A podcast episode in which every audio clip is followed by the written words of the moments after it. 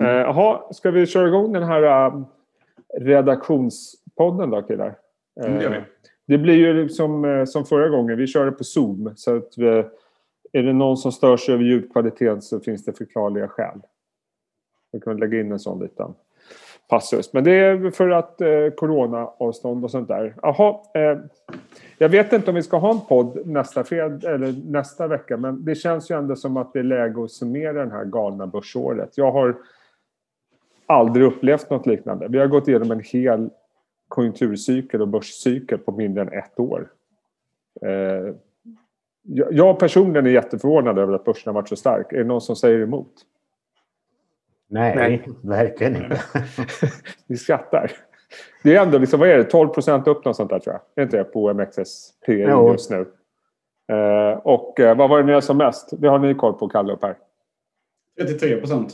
Ja, så att uppgången eh, från 23 mars är ju helt sjuk. Jag måste säga, jag satt eh, med en förvaltare, Martin Nilsson igår och han pratade om case han tror på inför 2021. Jag konstaterar att alla de casen som var då cykliska vinnare, vi kommer komma tillbaka till vad vi tror om 2021, som då skulle gynnas så att konjunkturen vänder, hade ju redan gått upp med en 100 procent sen botten. Mm. Så att, det, jag tror liksom Lindab upp 150 och eh, vad var det mer han hade? Metzer upp 100 och så vidare. Så att eh, jag vet det, det känns ju som ett fullständigt bisarrt börsår. Och jag har aldrig upplevt en sån euforism som det är just nu. Nej, men, och det är inte bara och det är inte bara börsen som har gått. Nej. Råvaror har gått som tåget. Bitcoin slår nya rekord. Eh, det enda som eh, inte rör sig det är väl räntorna och dollarn. Liksom. Ja. Men har du inte lite fel här Pekka? För dollarn har ju rört sig sjukt mycket. Den var ju faktiskt uppe i 10,50 nästan. Ja, jo, då, jag... i, I mars. Alltså den är ner över 20 procent sen i mars. Jo, ja, jo, men jag uttryckte mig väl lite klantigt. Jag menar ju givetvis att räntor, dollarn är det enda som inte har rört sig uppåt.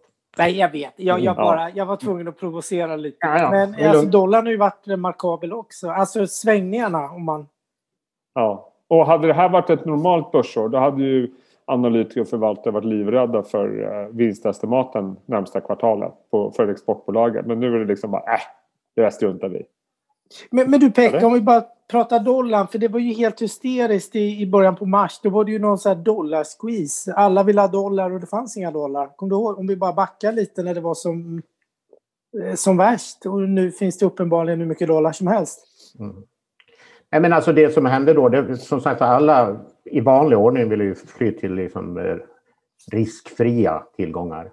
Och, alla, och dollarn blev ju eh, det som alla skulle till. Och, och då startar ju Federal Reserve, den amerikanska centralbanken, startar swaplinjen med alla andra centralbanker. Så det köptes ju dollar utav bara den. Så det var inte mm. konstigt att den rusade iväg så mycket. Och nu när det har normaliserats så, så dels så anses dollarn vara, fortfarande vara övervärderad. Och sen ska de här swaplinjerna rullas tillbaka. Eh, så det blir ett nedåttryck på dollarn istället.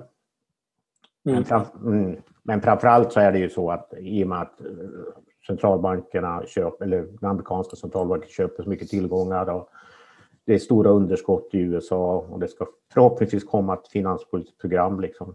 Det, det är väl det man tittar på när man är negativa dollar. Får jag bara ställa en sista fråga. Ser du något samband med att eh, kryptovalutorna har ju fått en, eh, en extrem skjuts i år? Jag tänker på bitcoin är ju upp 200 procent Det är ju mm. det, det är helt... Eh, ser du, tror du, är det någon... Det, det har ju varit så extremt på många, inom många tillgångslag i år.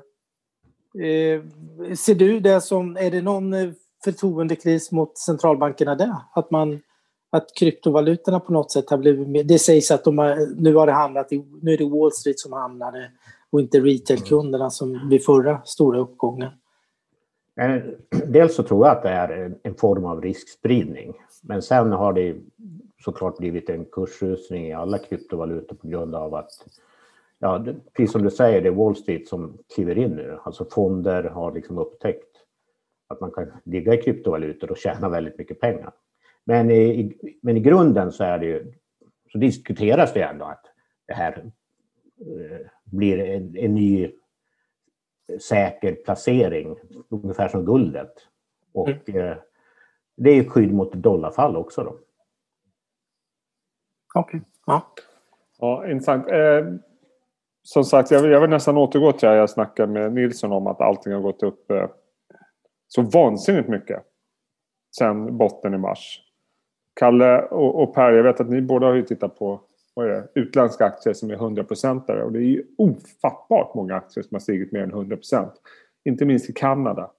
Ja, alltså Kanada är ju det värsta då, kan man säga, eller det bäst. Det, bäst. och det, här, det här mätpunkten då, som jag tog fram, eh, det är ju då för precis ett år sedan, så det här är ju före corona. Och om man mäter från den tidpunkten så har ju nästan en tredjedel av alla kanadensiska aktier stigit med minst 100 procent. Vilket är nästan ännu mer intressant mått att ta det före den här dippen i mars. För den var ju liksom extrem på sitt sätt ja. neråt. Mm. Ja. Om man skulle mäta från den punkten så gissar jag att det skulle vara... Ja, jag, jag vågar inte ens gissa det faktiskt, men jag gissar att det är, det, det är extremt mycket högre såklart. Ja. Ehm, men i Sverige då är motsvarande siffra 12 procent, 12,5 procent. Om, man tar på alla börslistor så har det ändå, var det en 12,5 procent som har stigit minst 100 procent på ett år. Det måste vara historiskt unikt. Ja. Jag vet inte, jag har ingen statistik på tillbaka men det känns ju...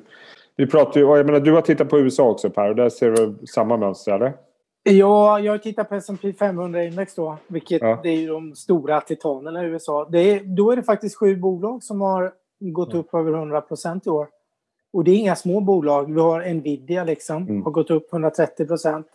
Eh, och absolut bäst har ett eh, såklart e-handelsbolag som heter Eatsy. Eh, mm. gått upp över 300 procent. Och i botten så har vi det vi förväntar oss. Flygbolag, energibolag och ett gäng eh, sådana här kryssningsoperatörer. Mm.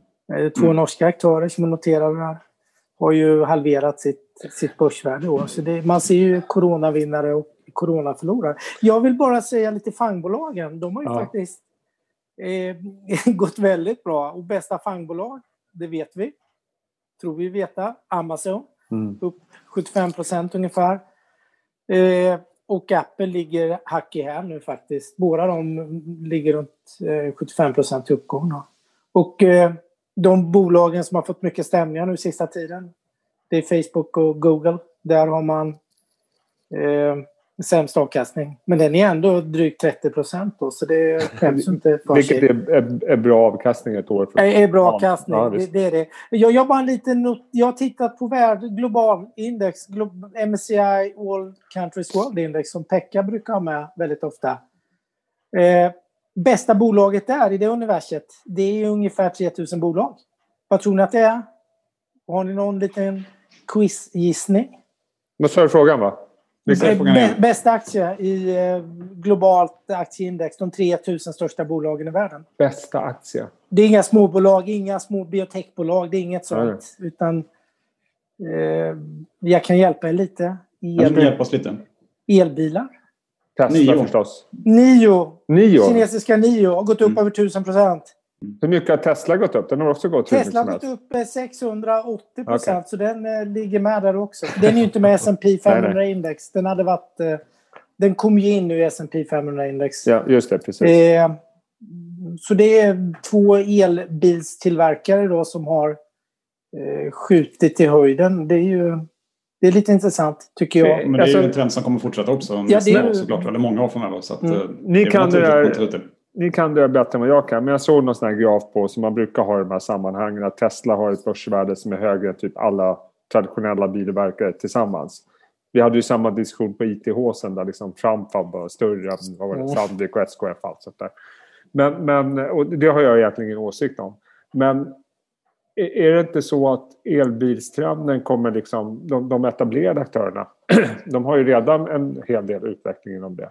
Vad är det som säger att inte någon av dem kommer lyckas? Ja, alltså de satsar ju för fullt verkligen. Jag menar Daimler har ett samarbete med Nvidia här till exempel. startade de i somras. Eh, och BMW satsar ju enormt mycket. Och Volkswagen är de som nästan lägger mest pengar av research av alla bolag i världen just nu när det gäller just elbilar. Så att eh, det finns ju mycket som talar för att de kommer att komma ikapp mm. Tesla. Men det vi, Per och jag vi har pratat om det tidigare också, om att man kanske inte ska se Tesla som en biltillverkare egentligen. Man kanske mer ska se det som en, mjukvaruutvecklare eller som en, eh, deras eh, nätverk då av eh, deras infrastruktur helt enkelt. Eh, för laddstolpar och sådär. Mm. Så det finns ju många andra värden i, i, Tesla, mer än just själva bilen då. För att komponenterna i en Tesla-bil kommer ju till stor del, ja det är ju vanliga tyska bilunderleverantörer så att säga som levererar dem. Mm. Eh, inklusive chippen då som kommer från eh, delvis från Infineon. Ja. Men, men jag tänkte på det, ni pratade där om råvarupriserna också. Eh, en intressant grej när man pratar om den här elbilstrenden är att det krävs ju väldigt, väldigt mycket mer koppar i en elbil jämfört med en traditionell bil. Och det där kommer ju att driva kopparpriset under... Det har redan stigit mycket. Det har stigit mycket men det är fortfarande inte på all time high. Det är på okay. 2013 års nivå ungefär. All time high var det runt 2011. Då. Eh, så det, det, är uppe på 7000 dollar per ton ungefär. Eh, men eh, det, det, kan man väl anta att det, den trenden kommer att fortsätta under nästa år och kanske ytterligare något år. Så att kopparproducenter är ju stekheta egentligen. Under kommande mm. år. Ja, vad, jag tänk, vad sa du? Du skulle säga någonting Pekka? Ja, nej, men jag tänkte också på det med att om råvarumarknaden drar iväg här nu så kommer det leda till väldigt mycket investeringar också. Så deras de, de som levererar till gruvindustri och annat, de borde ju också bli vinnare då 2021. Caterpillar och Atlas Copco och så vidare. Mm. Ja. Mm. Mm.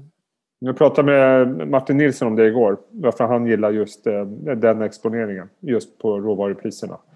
Mm. Att det kommer bli mycket. Jag, jag tänkte, förra gången när vi satt här så snackade vi om att det var rekordmånga IPOs och framförallt rekordmånga IPOs som steg 100% första handelsdagar. Kommer ni ihåg det? Yeah. En, en, annan sån här bullindikator tycker jag i alla fall just nu det är att jädra vad det har exploderat med företagsaffärer eh, sista tiden. Eh, vad har vi haft den här veckan bara i Norden? Recipharm, Algon, eh, budstriden i Entra fortsätter där Balder köper mer. Vi hade finska Tikkurila idag som fick bud på sig från någon amerikan. Stillfront gjorde en stor affär. Eh, det är billigt att låna pengar. Och det kommer det vara ett tag till, Pekka. Så att det lär väl fortsätta. Ja, ja. Eh, det finns väl inga, inga, ingenting. Nu tror jag i och för sig att räntorna kommer att stiga lite i, under 2021 givet att mm. vi får en väldigt stark konjunktur förhoppningsvis. Men eh, centralbankerna gör sitt bästa för att signalera att man ska göra sitt bästa för att hålla ner räntorna. Man kommer inte höja räntorna, korta räntorna, men man tittar även på långa räntor, att man ska hålla nere dem. Men Pekka, jag har en teori här för nästa år bara. Att vi, nu sitter ju alla hemma i hela världen, eller västvärlden i alla fall, och eh, sparar massa pengar. Eh, och de här pengarna vill de ju, eh, så fort de är vaccinerade, kommer de att sticka ut och shoppa ihjäl sig, på att säga. Men eh, man kan ju tänka sig att andra halvåret 2021 så kan vi kanske inflationen överraska på uppsidan. Och eh, då tvingas ändå centralbankerna att dra åt lite grann, vilket just nu inte är inprisat. Då. Det är en liten risk som jag... Ja, det, jag håller med dig. Det, det, det är absolut en risk. Eh, å andra sidan kan man ju säga, ska man säga det att eh, i och med att resursutnyttjandet ändå inte kommer vara superhögt så får vi inte tryck därifrån på löner och annat. Och dessutom så har ju eh, flera centralbanker med, med eh, den amerikanska spetsen sagt att man man kommer att tolerera en högre inflation mm. under en period för att, så att säga, kompensera för att inflationen varit för låg. Så eh, det är absolut en risk. Jag ser inte den risken kanske för 2021 annat än att man kanske börjar dra ner sina kvantitativa lättnader. Men, eh, men åren därefter, då, då kan vi kanske börja prata om inflation igen. Men givetvis så kommer ju vi få högre inflationssiffror nästa år. Jag tycker det är jätteintressant det du säger också, Kalle, det här med att eh, så fort människor har vaccin i kroppen så kommer det liksom börja konsumeras och resor och allting. För det slår mig när jag pratar med förvaltare om 2021. Eh, jag skulle nästan våga påstå att 100% är positiva till börsåret 2021. Och alla säger i stort sett samma sak. Vi får en konjunkturförbättring, vinsterna kommer tillbaka, eh, sektorrotationen kommer fortsätta mer mot värde och cykliskt. Eh, för att man tror att vändningen kommer andra halvåret och därför kommer priserna på aktierna stiga under första halvåret. Nu har det ju stigit redan väldigt mycket, det kan vi prata mer om sen. Men när jag frågar varför köper ni inte flyg, kryssning, hotell då är det ingen som nappar på det. Ja, det. Och, och, det tycker jag är lite konstigt. Jag håller mm. med. För jag känner spontant, om jag bara ser på mig själv. Jag har ju givetvis ingen statistisk undersökning. Jäklar vad jag kommer vara social och umgås med folk och gå ut på krogen och eh, planera resor. Tror jag. Du ska köpa hotell vid Medelhavet ju. Ja, men, jag, till, liksom. ja, men, om ni känner samma sak. Det kommer bli en sån social explosion när det här är över. Av människor som vill umgås och uppleva saker och göra roliga grejer igen. Det kommer säkert komma nya, helt nya trender och massa sådana grejer som ja. inte har tänkt på. Liksom, när det bara exploderar igen. Ja. Så jag är lite förvånad att inte fler säger men man kanske ska börja köpa en liten korg med, med sådana här upplevelse. En, en liten rederikorg kanske? Ja, men du vet, det kanske... Jag, jag, vi har pratat om flyg, har ju sina problem sedan tidigare, men liksom hotell, vad vet jag, nöjesparker, kryssningar. För jag tror det kommer bli en explosion i bokningar. Men du, AMF köpte ju faktiskt in sig i, eh, i de som äger Kolmården och Gröna Lund va? Just det, precis. De, eh, så de vågar ju. Mm. Ja, men jag, jag, tror liksom att det kommer bli... Eh, alltså om de här vaccineringarna, om det rullar ut så som myndigheter hoppas, då lär det vara svårt att få biljetter nästa jul. Ja, säkert. Eller? Säkert. Ja, ja. Mm. ja. Och jag känner ingen som säger nej nu jäklar, nu har vi investerat i Norwegian Cruises eller någonting. Men För man är ju ändå liksom ett halvår... De försiktiga, försiktiga generaler tänker jag. Ja, men alla pratar ju liksom mm. ändå om ett, att man har liksom... Jo, men man köper cykliskt nu för att vändningen kommer om ett halvår. Mm. Då, då prisar man in det nu. Och jag förstår bara inte... Där har vi ändå sett en prisuppgång. Det har vi sett delvis i några av de här upplevelseaktierna också, Pandox, men inte alls på samma sätt. Du, du kanske till och med ska köpa Norwegian uh, Air Shuttle? Liksom. Jag det är väldigt många väldigt pratspara som eh, har jag, sett den möjligheten. Liksom. Alltså, jag tror vi har pratat om det någon gång tidigare. Man, man ska väl kanske inte investera i aktier. Så tänker i alla fall jag som inte gick så bra innan pandemin. Utan Nej, det är ju de som liksom fick en tvärnit på grund av det. Och, så att, jag, jag är bara förvånad att inte fler vågar ta på det nu eftersom alla är positiva till 2021. I alla fall sådana no-brainers som hotell och sånt där, tänker jag. Ja. Eh, det borde man inte behöva vara rädd för. Eller Pandox till exempel. Ja, vad är den ner fortfarande? Ja, den har väl i och för sig tagit, tagit sig upp en bit. Uh, Absolut. Men, men den är ju fortfarande ner, vad är det, 40 procent i år? Den är ner 36 procent just nu. Ja. Om du tar liksom någon av de här cykliska bolagen som man många pratar om så är de ju upp...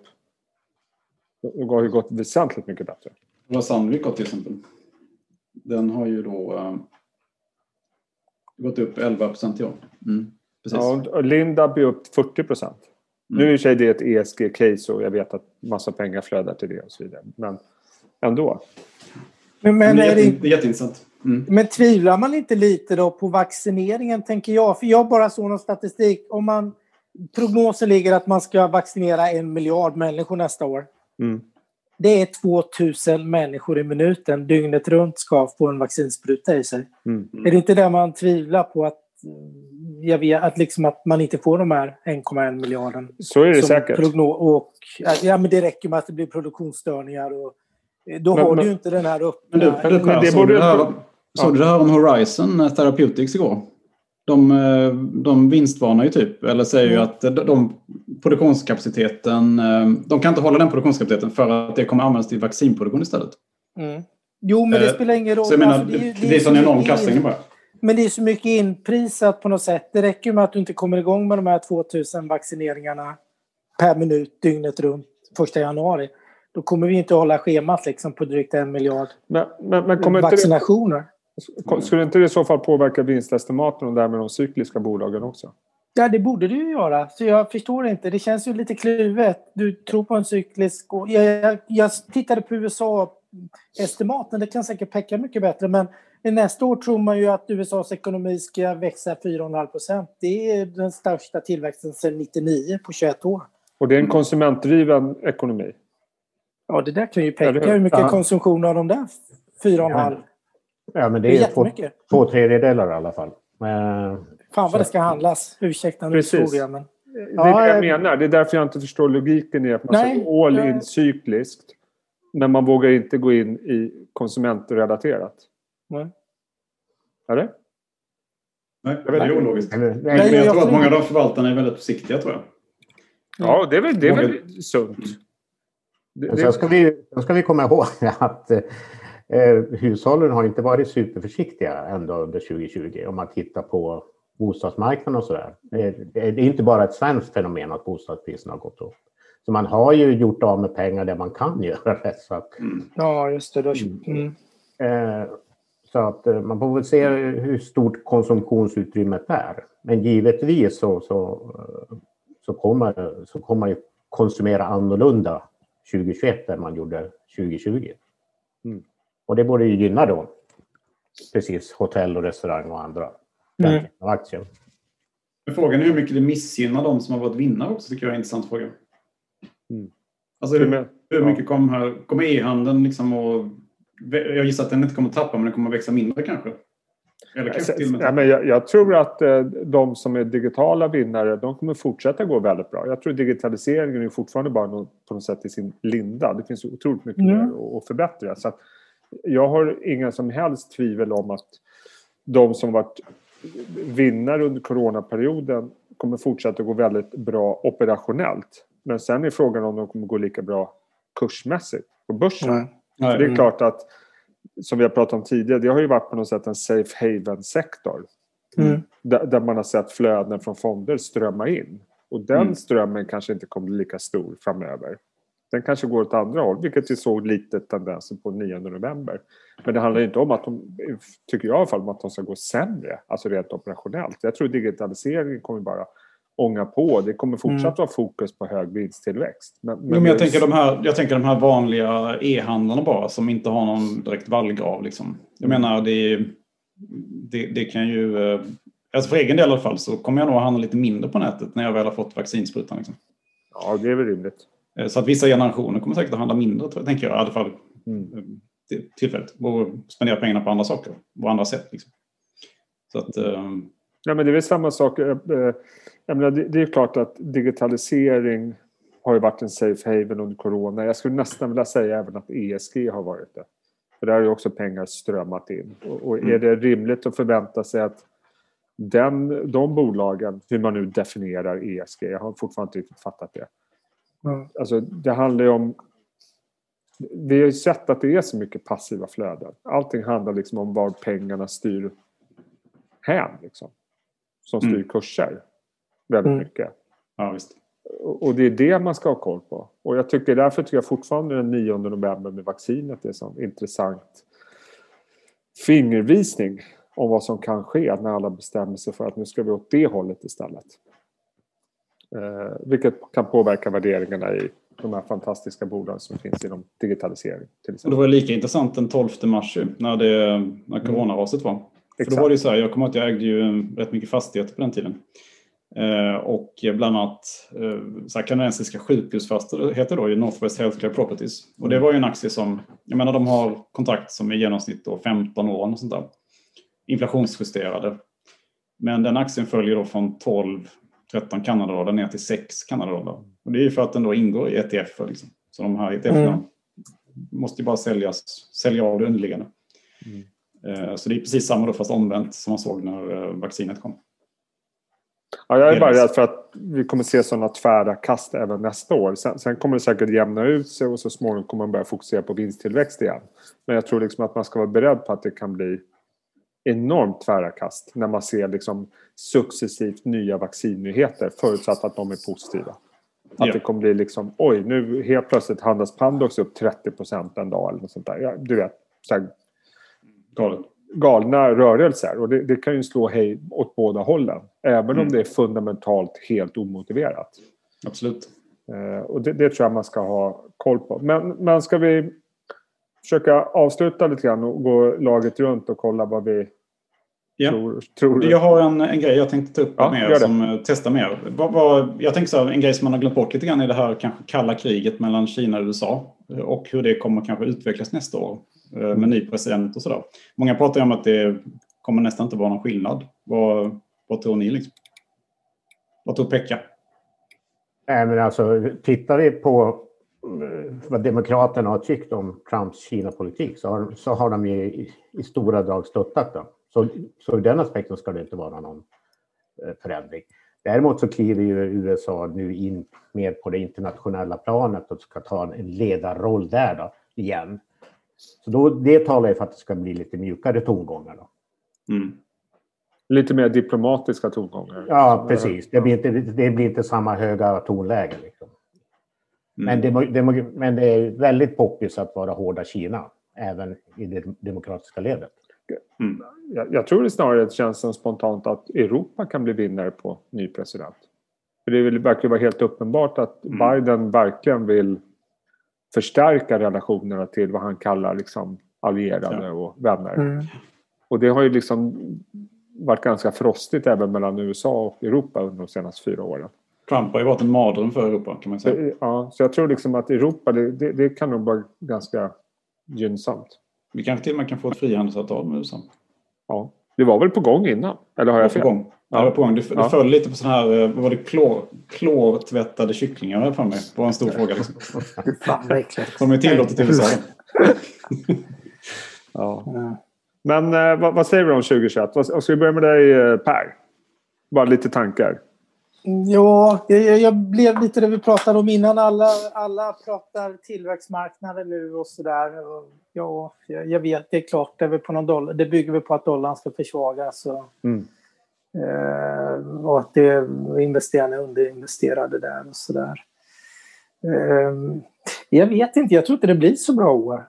Jag tror att det är lite, ja, köp, du vet, köp på ryktet, sälj på nyheten och mm. i vaccinet. Och, Nej, jag, jag, tror inte det blir något superbra. Jag tror inte det blir någon enorm sektorrotation. Jag fick statistik nu. Förra veckan var det enorma inflöden till tech igen. Liksom. Så det, mm. marknaden är ju lite schizofren skulle jag vilja säga. Eh, känns det som. Det är mm. svårt. Eh, nej. Jag tror inte det blir så bra. Man har tagit ut så mycket. Jag tror inte man kan göra de här vaccineringarna allt. Nej, jag vet inte. Jag är lite, lite, lite bäsig inför nästa år. Jag tror att det blir lite sidledes faktiskt. Inte ner heller, ingen dramatik, men sidledes med mycket konstiga rörelser som vi har sett i år. Dollarn går till 10,50, sen ner till 8,20. Det kanske kan bli lite halvstökigt, men jag, jag tror att det... Mm, jag vet inte. Jag tror inte det blir så bra som det ligger i förväntningarna. Det känns... Nej, och det är väl egentligen min take också. Att jag, jag blir, mm. även fast det kanske inte är rationellt att tycka så, men, men det känns som att det är verkligen, jag skulle säga 99 procent av dem jag pratar med säger exakt samma sak. Vi kommer få en, vaccinet kommer rulla ut framgångsrikt. Eh, vinsterna kommer börja stiga. Konjunkturen kommer vända andra halvåret och därför ska vi få en värdesektorrotation första halvåret. Grund, summa summarum positivt. Mm. Det är ungefär det scenariot som alla har. Eh. Och jag tror Pekka har en poäng. Han pratar om de här QV, att de kan minska. De har ju varit helt gigantiska i år. Och jag ja. tror att de har drivit så mycket flöden att lugnar de ner sig så... Nej, jag vet inte. Eh, köp ryktet, sen nyheten lite, känner jag. Men jag håller, med, jag håller med dig Per. Jag tror det kommer bli, ja. åtminstone det första halvåret. Det blir ett mellanår. Jag tror första halvåret kommer... Jag, jag skulle inte bli förvånad om det går upp, men jag tror vi kommer få otroligt stora tvära kast och ofta mm. ganska irrationella rörelser. Mm. Uh, för jag tror inte på det här, eller som alla säger då, ja men börsen ska upp för att vinsterna ska upp och konjunkturen ska upp och vi ska öppna upp samhället. Enligt det resonemanget så borde i så fall 2020 varit totalt omvänt. Med mm. fallande börser. Det enda gemensamma då är väl kanske en låg ränta. Men, så att jag, jag, jag, är rädd för att man, alltså när vi ser att en börs är upp 12 procent efter det här året med fallande vinster och pandemi och osäkerhet. För mig blir det inte självklart att 2021 är ett starkt år. Jag tror säkert att det kan stänga på plus men jag tror vi kommer se lite andra bolag som leder vägen. Mm, jag håller med. Jag, jag, tror att index kommer att sluta på plus, men jag tror inte det blir något jättebra. Och jag tror att det blir mycket viktigare att, uh, med stockpicking. Ja. Uh, och jag tror också, som Per var inne på där, att man ska uh, hålla sig till det som har varit vinnare. Alltså mycket tech, de stora techbolagen. Okay. Alltså Salesforce, Microsoft, uh, ServiceNow, Adobe och så vidare. Tror jag kommer fortsätta att rulla på. Liksom. Mm. Eh, sen är det klart att det kommer att finnas uppsida i de här eh, kryssningsaktierna då när, när de som blir vaccinerade, och det är ju de äldre framförallt, det är de som gillar kryssningar också väl, kommer mm. såklart att åka på kryssning. Det mm. finns ju jättestarkt underliggande tryck då i bokningar när det gäller kryssningar har jag sett. Så att, eh, det är klart att, att där finns kanske lite uppsida kvar i sånt. Men, men när det gäller cykliskt i allmänhet och här i västvärlden så tror jag att det mesta redan är taget. Liksom. Mm. Eh, I sådana bolag, alltså typ Sandvik och, och, och så vidare. Um, I så fall ska man ju söka sig mer åt ja, mer tech, tech och mjukvaruhållet. Liksom, ändå. Mm. Mm. Det är väl min take. Strukturell sen, sen, sen, sen, tror jag också i och för sig att jag kollar lite på kinesiska bolag nu. Och alla hatar ju Kina liksom, och är rädda för Kina. Men jag tror att man kan eh, hitta eh, ganska intressanta bolag i Kina om man eh, chansar lite. Och jag tyckte även att Alibaba ser intressant ut på den här nivån. Mm. Okay. Det är en bra uppsida. Mm. Så att ja, stockpicker år. Vad säger du då Pekka? Du får komma med din eh, visdom. Ja, det, det är väl eh, jag, jag, saknar väl riktiga triggers för 2021. Eh, mm. Konjunkturen i och för sig alltså. Men, men där har vi redan plockat en hel del. Nu tror jag i och för sig att man kommer att se marknader som kommer att gå bra. Jag menar, det är inte alla länder som har börsuppgångar på 12 procent. Jag vet inte. Tyskland är upp några procent och sådär. Så att den rotationen mot att man söker sig till nya marknader tror jag mycket väl kan fortsätta. Eh, om man inte vill vara en stoppicker.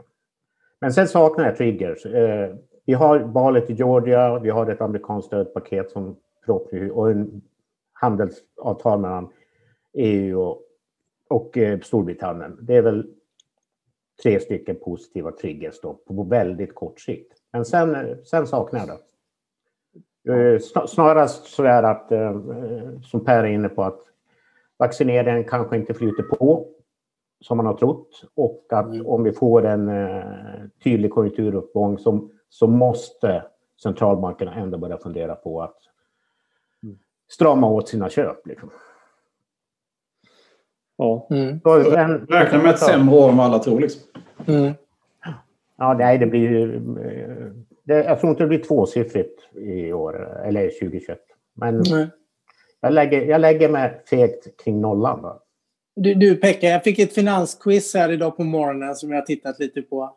Och lite på det temat du säger. Det har varit 190 räntesänkningar totalt globalt under 2020 hos alla centralbanker. Det känns ju att eh, det har ju stött såklart och de här stora tillgångsköpen. Det känns ju fjärran från det nästa år. Och får de, om du pratar triggers, Ja. Att få 190 räntesänkningar igen och de här tillgångsköpen på något sätt som ändå har stött börsen. Nej, då ger jag upp. Om det blir 190 räntesänkningar, då ger jag upp. Söker mig någon annanstans.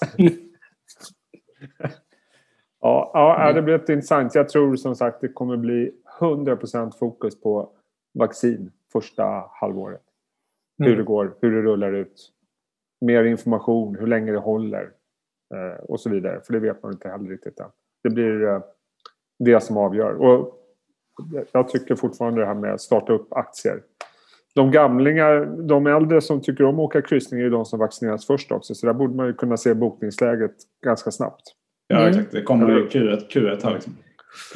Ja, vi får hoppas eh, verkligen att eh, det går bra för dem. De, ja, de förtjänar verkligen att få göra roliga saker, de som är äldre. Jesper, även du förtjänar en kryssning tror jag nästa år. Mm. Ja, jag, jag undrar min mamma det mer faktiskt. Eh, som har suttit instängd i sin lägenhet sedan mars i princip. Eh, men ja, kanske en liten kryssning. hade varit något. ja, hörni, eh, ska vi ta helg där eller? Mm. Yes. Ja. yes. Får vi se hur vi gör nästa vecka. Vi önskar alla hur som helst. Om vi inte hörs nästa vecka så, ja, god jul. God jul. Gott God jul. Ja, ja. Sköt om er. Hej på er. Hej. hej. hej.